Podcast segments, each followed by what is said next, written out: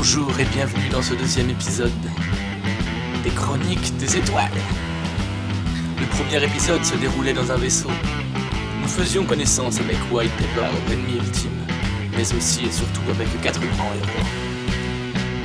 Duke Starfall,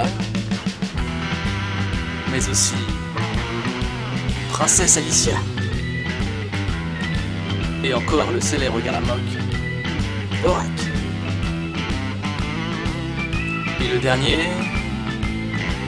Doya, vieille ermite mais encore très fort au combat. Sur ce, je vous laisse admirer le deuxième épisode. Ton entraînement aujourd'hui se termine. Vous aider, toi et tes compagnons, je puis. Un vaisseau abandonné sur cette île, j'ai retrouvé. Mais alors, à quoi m'a servi tout cet entraînement? Pour l'instant, sortir d'ici, tu dois. Je crois qu'on n'a pas bien compris ma question. Euh... Pourquoi je t'ai entraîné plus tard, tu comprendras. Au vaisseau dans une demi-heure avec tes amis, rejoins-moi. À un kilomètre de votre campement, il se trouve. Alors nous partirons.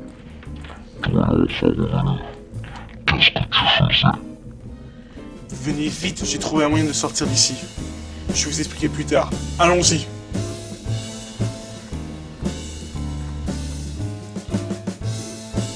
Oh, oh, oh. Euh, Excuse-moi, Doya, mais t'es bien sûr de savoir piloter? T'inquiéter pour rien, tu ne dois. Normal, sont ces turbulences. Ok, ok, t'énerve pas. Alicia, je te présente Doya. Il avait planqué ce vaisseau. Heureusement qu'il nous avait attendus. De vous rencontrer, ravi, je suis. Et moi donc? En fait, vous faites un régime spécial ma sœur? Très bonne pour la santé sont les racines et les insectes. Finalement, je ne m'y essierai pas.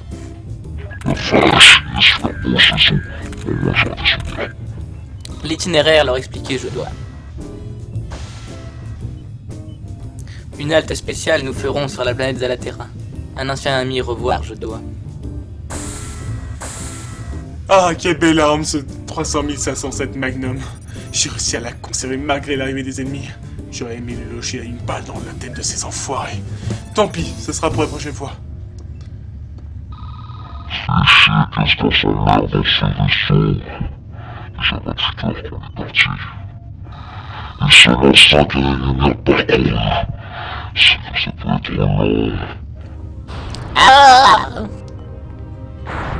Mais qu'est-ce qui se passe? Alicia Est-ce que ça va? Respire, je t'en prie, respire.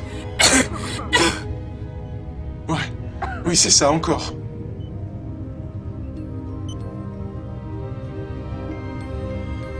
Non, ne t'en vas pas.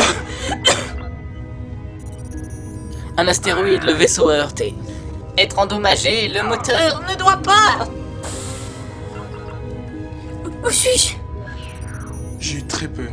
J'ai cru te perdre pour toujours. Dieu merci, tu es encore parmi nous. Oui, heureusement.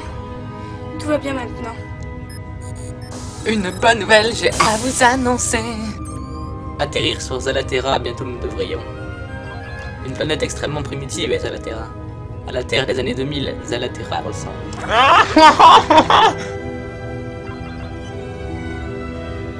Mais alors Les habitants doivent être plus bêtes que, que chez toi, Gorak Bien plus bêtes que Gorak ils sont. Sur Zalaterra, nous allons Zalaterri C'était pourri.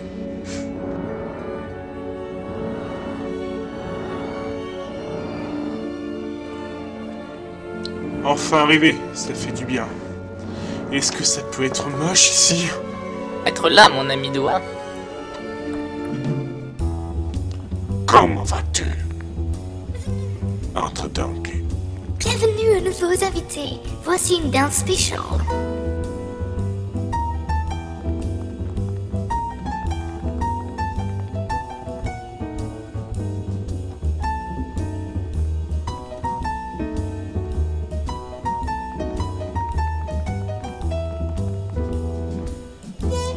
Alors, on est pas bien ici? Traquons le succès du voyage. Par contre, l'alcool est dégueu.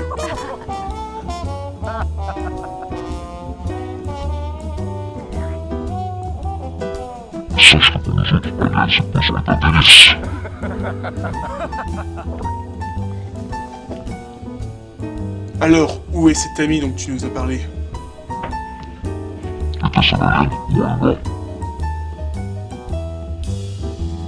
Un alien de la race des Gélisards, il est. D'ailleurs, le voici. Comme d'habitude, un verre de bioslurg, barman.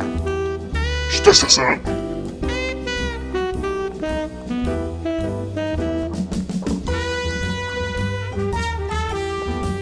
Et voilà L'inaccord agréable à son ces retrouvailles.